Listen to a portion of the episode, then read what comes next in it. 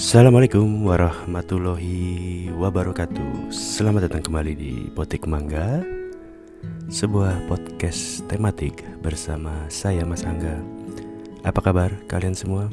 Semoga dalam keadaan sehat walafiat. Um, Gue gak tahu ini akan tayang kapan. Mungkin September. Uh, Gue kebanyakan stok podcast banyakkan tag. Jadi ya karena gue nggak mau tayang tiap hari jadi mungkin beberapa topik agak sedikit out of date tapi ya gue juga nggak bikin untuk gimana gimana ya. Pengen bikin aja jadi ya buat lagi mendengarkan saat ini mohon maaf kalau memang tema atau topiknya tidak sesuai dengan keadaan saat ini. Tapi gue rasa sih enggak sih. Gue lagi pengen ngomongin mengenai sebuah hal yang memang belakangan lagi ramai diperbincangkan mengenai baliho atau billboard. Um, billboard itu kalau buat teman-teman yang mungkin nggak tahu namanya atau mungkin familiar tapi nggak tahu billboard itu sejenis poster gede banget yang ada di pinggir jalan. Cukup menjelaskan nggak? Uh, intinya dia sebuah platform atau sebuah media untuk mempromosikan sebuah materi yang sifatnya cetak ya walaupun memang beberapa belakangan ada yang namanya billboard yang digital tapi biasanya disebutnya kayak videotron atau apa ya. Ya intinya kalau kita ngomongin billboard sih biasanya baliho itu yang cetak masih yang still image. Itu biasanya berada di lokasi-lokasi atau di jalan yang ramai makin ramai makin bagus makin macet biasanya banyak dilalui orang.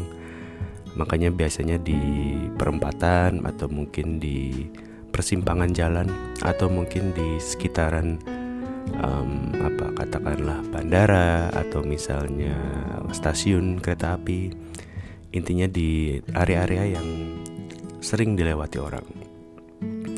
Um, kenapa baliho atau billboard itu banyak di tempatkan di area-area seperti itu karena memang um, ini gue mungkin agak sedikit sotoy tapi setahu gue yang namanya marketing cost itu adalah sebuah promosi yang apa namanya hitungannya itu berdasarkan um, pay per view atau bayar lu bayar untuk mendapatkan beberapa banyak yang lihat kurang lebihnya gitulah bahasa gue mungkin salah. Jadi misalnya gini nih misalnya gini misalkan katakanlah lu punya produk lu pengen produk itu lu iklankan. Nah ketika pengen lu iklankan kan ada biayanya tuh. Biaya iklan biaya promosi biaya marketing. Katakanlah lu keluar 100 juta rupiah untuk mengiklankan produk itu.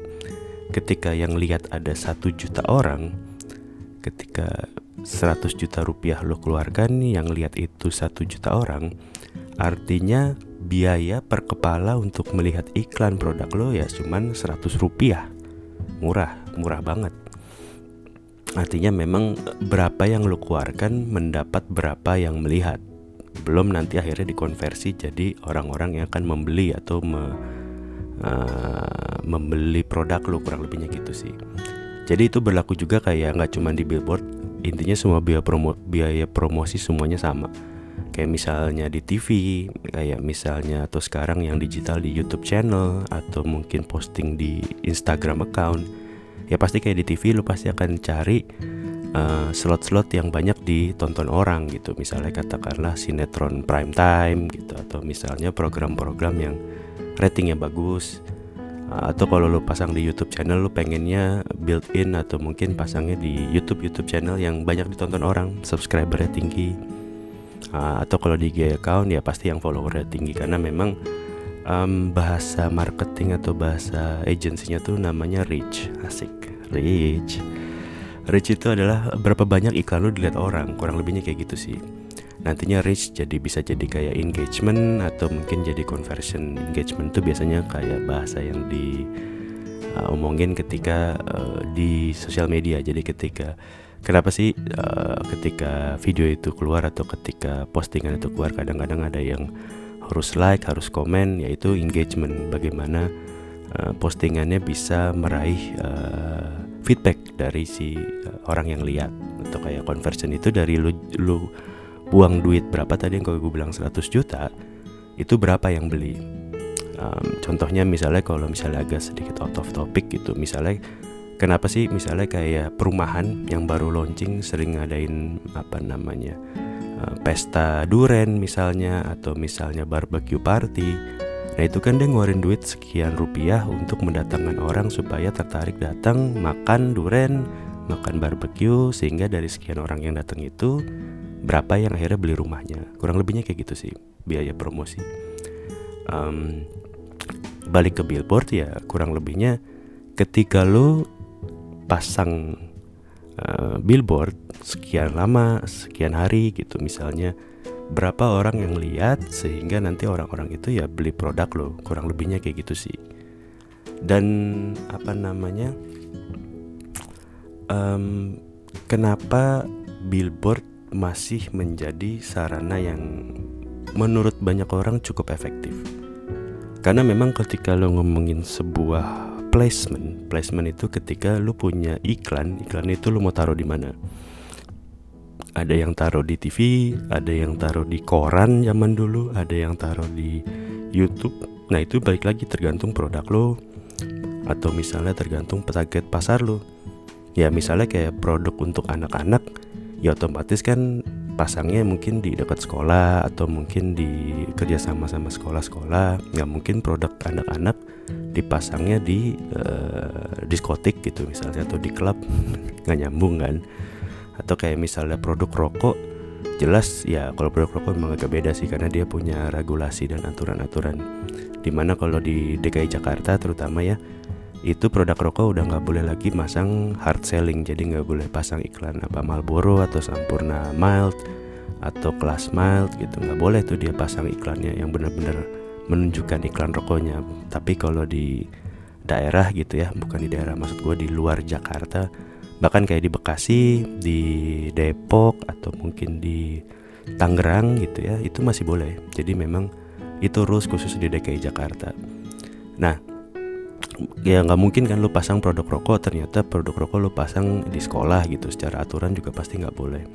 Atau kayak misalnya produk untuk kecantikan sampo sabun gitu itu kan pasti menyasarnya misalnya banyak kaum perempuan. Pasti kan mungkin um, banyak ditempatkan di daerah-daerah yang mungkin lebih banyak ibu-ibunya. Kurang lebihnya kayak gitu sih. Dan target pasar itu ya pastinya balik lagi ke tadi gue bilang produk lo itu menyasar apa? Kelamin cowok atau cewek misalnya. Terus dari cowok cewek itu misalnya apakah dia usia berapa? Usianya misalnya anak kecil kah? Atau mungkin ABG kah? Atau mungkin umurnya yang dewasa? Atau bahkan yang manula gitu lansia? Dan lagi-lagi ya yang paling penting tergantung target income-nya gitu. Maksud gue target income ya lu nggak mungkin misalnya katakanlah produk yang mahal lu pasti nggak akan lihat itu iklan di sembarangan. Karena buat dia nguarin duit kayak tadi dia nguarin duit 100 juta buat tempat yang tidak tepat buat apa gitu. Dia pasti akan udah tau lah cara dia menjual produknya itu ke mana gitu. Sama kayak misalnya produk-produk yang ternyata murah gitu misalnya katakanlah produknya momogi atau mungkin ciki sasetan gitu. Ternyata lu jualnya di tempat-tempat yang um, berpendapatan tinggi gitu. Nggak mungkin kayaknya maksud gue sih kayak gitulah kurang lebihnya. Makanya kayak billboard itu menurut gue kelebihannya yang pasti dia bisa mencapai atau meraih mencakup banyak orang uh, dan targetnya masif menurut gua. Karena kan yang kayak misalnya katakanlah billboard itu adanya di Jalan Sudirman gitu atau misalnya katakanlah adanya di Pancoran misalnya. Yang lewat kan nggak cuman laki-laki doang pastinya. Yang lewat pasti ada laki-laki ada perempuan. Terus yang lewat juga usianya mungkin dari um, belasan sampai mungkin lansia semua lewat jalan yang itu gitu. Kurang lebihnya kayak gitu sih dan billboard karena dia memang masih um, konvensional dibandingkan dengan iklan-iklan digital lu nggak bisa skip. Beda kayak iklan-iklan di YouTube atau mungkin iklan di mana ya yang sifatnya digital lo bisa skip lu nggak mau nonton. Ya billboard ya itulah itu lu mesti pandangin. Kalau itu lampu merah mata lu ngadep ke depan itu iklan pasti paling gak lu baca. Lu dipaksa ngelihat iklan itu kurang lebihnya kayak gitu sih. Uh, walaupun memang secara karena dia masih konvensional pastinya dia tidak bisa mungkin ya belum bisa secara detail memberikan report. Artinya misalnya katakanlah mungkin secara kasar dia bisa tahu misalnya sehari yang lewat berapa mobil tapi dia nggak bisa bilang misalnya yang lewat uh, usianya berapa karena kan tidak terlihat kurang lebihnya kayak gitu. Mungkin jadinya iklan-iklan yang ditempatkan di tempat yang salah jatuhnya misleading atau mungkin mistarget gitu kurang lebihnya kayak gitu sih. Um, billboard itu yang pasti kalau teman-teman mungkin nggak familiar dengan dunia periklanan atau placement gitu ya placement iklan uh, sewa billboard itu nggak murah. Ya yang pasti yang namanya sewa itu sama seperti menyewa apa pun atau misalnya salah jangan nyewa apa pun nggak um, bisa disamakan dengan menyewa nggak jadi um, harga sewa billboard mungkin sama kayak lu misalnya sewa properti Terga, seharga sewanya pastinya tergantung dari lokasi dan durasi. Semakin lama lu menyewa, harganya pasti semakin tinggi. Lokasinya di mana juga pasti harganya semakin tinggi. Jadi kalau misalnya lokasinya padat, sering dilewatin di jalan utama, harganya pasti lebih mahal ketimbang yang mungkin jalanannya relatif lebih sepi. Durasinya pun demikian, walaupun ketika lo hitung cost per day, misalnya kalau sewa satu hari sejuta ketika sewa sebulan yang harusnya dikali 30 misalnya cuma jadi 20 juta otomatis kan lebih mahal satu juta dibandingkan 20 juta mahalan 20 juta pastinya. Tapi kan kalau bagi 30 harganya pasti lebih murah ketimbang sejuta dan seterusnya. Makin dia makin lama lu sewa walaupun secara nominalnya pasti lebih tinggi tapi harga perharinya pasti lebih murah dan ya kalau kita ngomongin sewa billboard ya um, total biayanya tuh ada beberapa komponen. Pertama yang pasti produksi. Produksi itu pastinya termasuk di dalamnya uh, lo ngedesain photoshoot misalnya kalau emang lo pakai model lo bayar talent lo misalnya. Ya misalnya katakanlah produk lo produk kecantikan modelnya Luna Maya lu kan pasti harus bayar Luna Mayanya sebagai talent, kontrak dia, bayar fotografernya, bayar desainnya, itu costnya udah lumayan, udah apa namanya pastinya tinggi gitu. Belum nanti setelah itu final desainnya pastinya akan dicetak. Harga cetaknya ketika misalnya katakanlah billboardnya 9 meter kali 16 gitu. Ya lumayan kan lu nyetak ya pastinya nggak murah gitu. Setelah selesai lo cetak ke percetakan ada yang namanya biaya pasang. Karena yang nyetak sama yang masang biasanya belum tentu sama. Bahkan biasanya berbeda ada memang khusus yang memasang. Um, dia biasanya bareng sama bongkar karena kan ya tadi gue bilang lo sewanya durasi. Setelah misalnya sebulan itu selesai lo sewa atau setahun lo sewa atau berapapun durasi yang lo bayarkan ya otomatis setelah itu diganti dengan iklan lain yang akan um, menyewa billboard itu. Ya tadi gue bilang pertama biaya produksi biaya pasang termasuk bongkar biaya sewanya itu sendiri dan yang pasti ada biaya pajak karena itu pajaknya juga lumayan. Um, gue pernah baca kalau nggak salah sebulan itu bisa paling tidak 100 50 juta mungkin untuk di DKI Jakarta. Tapi itu kayaknya waktu itu tahun 2019 kalau nggak salah. Gue juga nggak tahu ya. Sekarang pada saat 2021 ini uh, harganya berapa? Karena memang uh, apa namanya kalau misalnya kita bicara kayak gitu harganya pasti sedikit fluktuatif. Kembali lagi um, tidak semua pasti dapat harga yang sama ketika kita bicara placement iklan di sebuah uh, platform um, itu kadang angkanya tidak fix. Jadi bisa berubah-ubah bisa tergantung produknya apa. Uh, pajaknya pun mungkin agak berbeda kalau misalnya lo uh, rokok mungkin pajaknya lebih tinggi kurang lebihnya kayak gitu sih. Uh, makanya apa namanya ya lagi-lagi tadi kayak gue bilang kenapa bisa orang pasang di billboard otomatis uh, apakah memang itu sesuai target atau bagaimana? Kenapa gue ngomongin billboard? Karena memang pada saat ini gue rekam di bulan Agustus 2021 um, billboard atau baliho lagi banyak diobrolin. Karena memang belakangan banyak tokoh politik dalam negeri yang banyak pasang billboard di banyak lah di nggak cuma di Jakarta mungkin di Jawa Bali dan Sumatera um, contohnya ada Ibu Puan Maharani ketua DPR dari Partai PDI Perjuangan kemudian Pak Erlangga Hartarto ketua umum Golkar juga Menko Perekonomian Nah, kemudian juga kemarin beredar ada Pak Muhaimin Iskandar. Ada beberapa lah yang pasang baliho. Ya, gue sih nggak tahu ya apa namanya. Gue belum riset sebenarnya lebih tepatnya berapa sih jumlah baliho dari masing-masing pemasang. Tadi kayak gue sebutin ada tiga nama. Apakah yang satu misalnya berapa atau bagaimana ya gue nggak tahu sih yang pasti gue kemarin sempat baca berita ada sebuah agensi ya kalau nggak salah agensi atau apa mungkin Gage Design kalau nggak salah itu dia solo. Dia dapat order itu 200 titik kalau nggak salah. Uh, buat di Jogja Solo sama beberapa daerah di Sumatera. Dia dapat order 200 titik.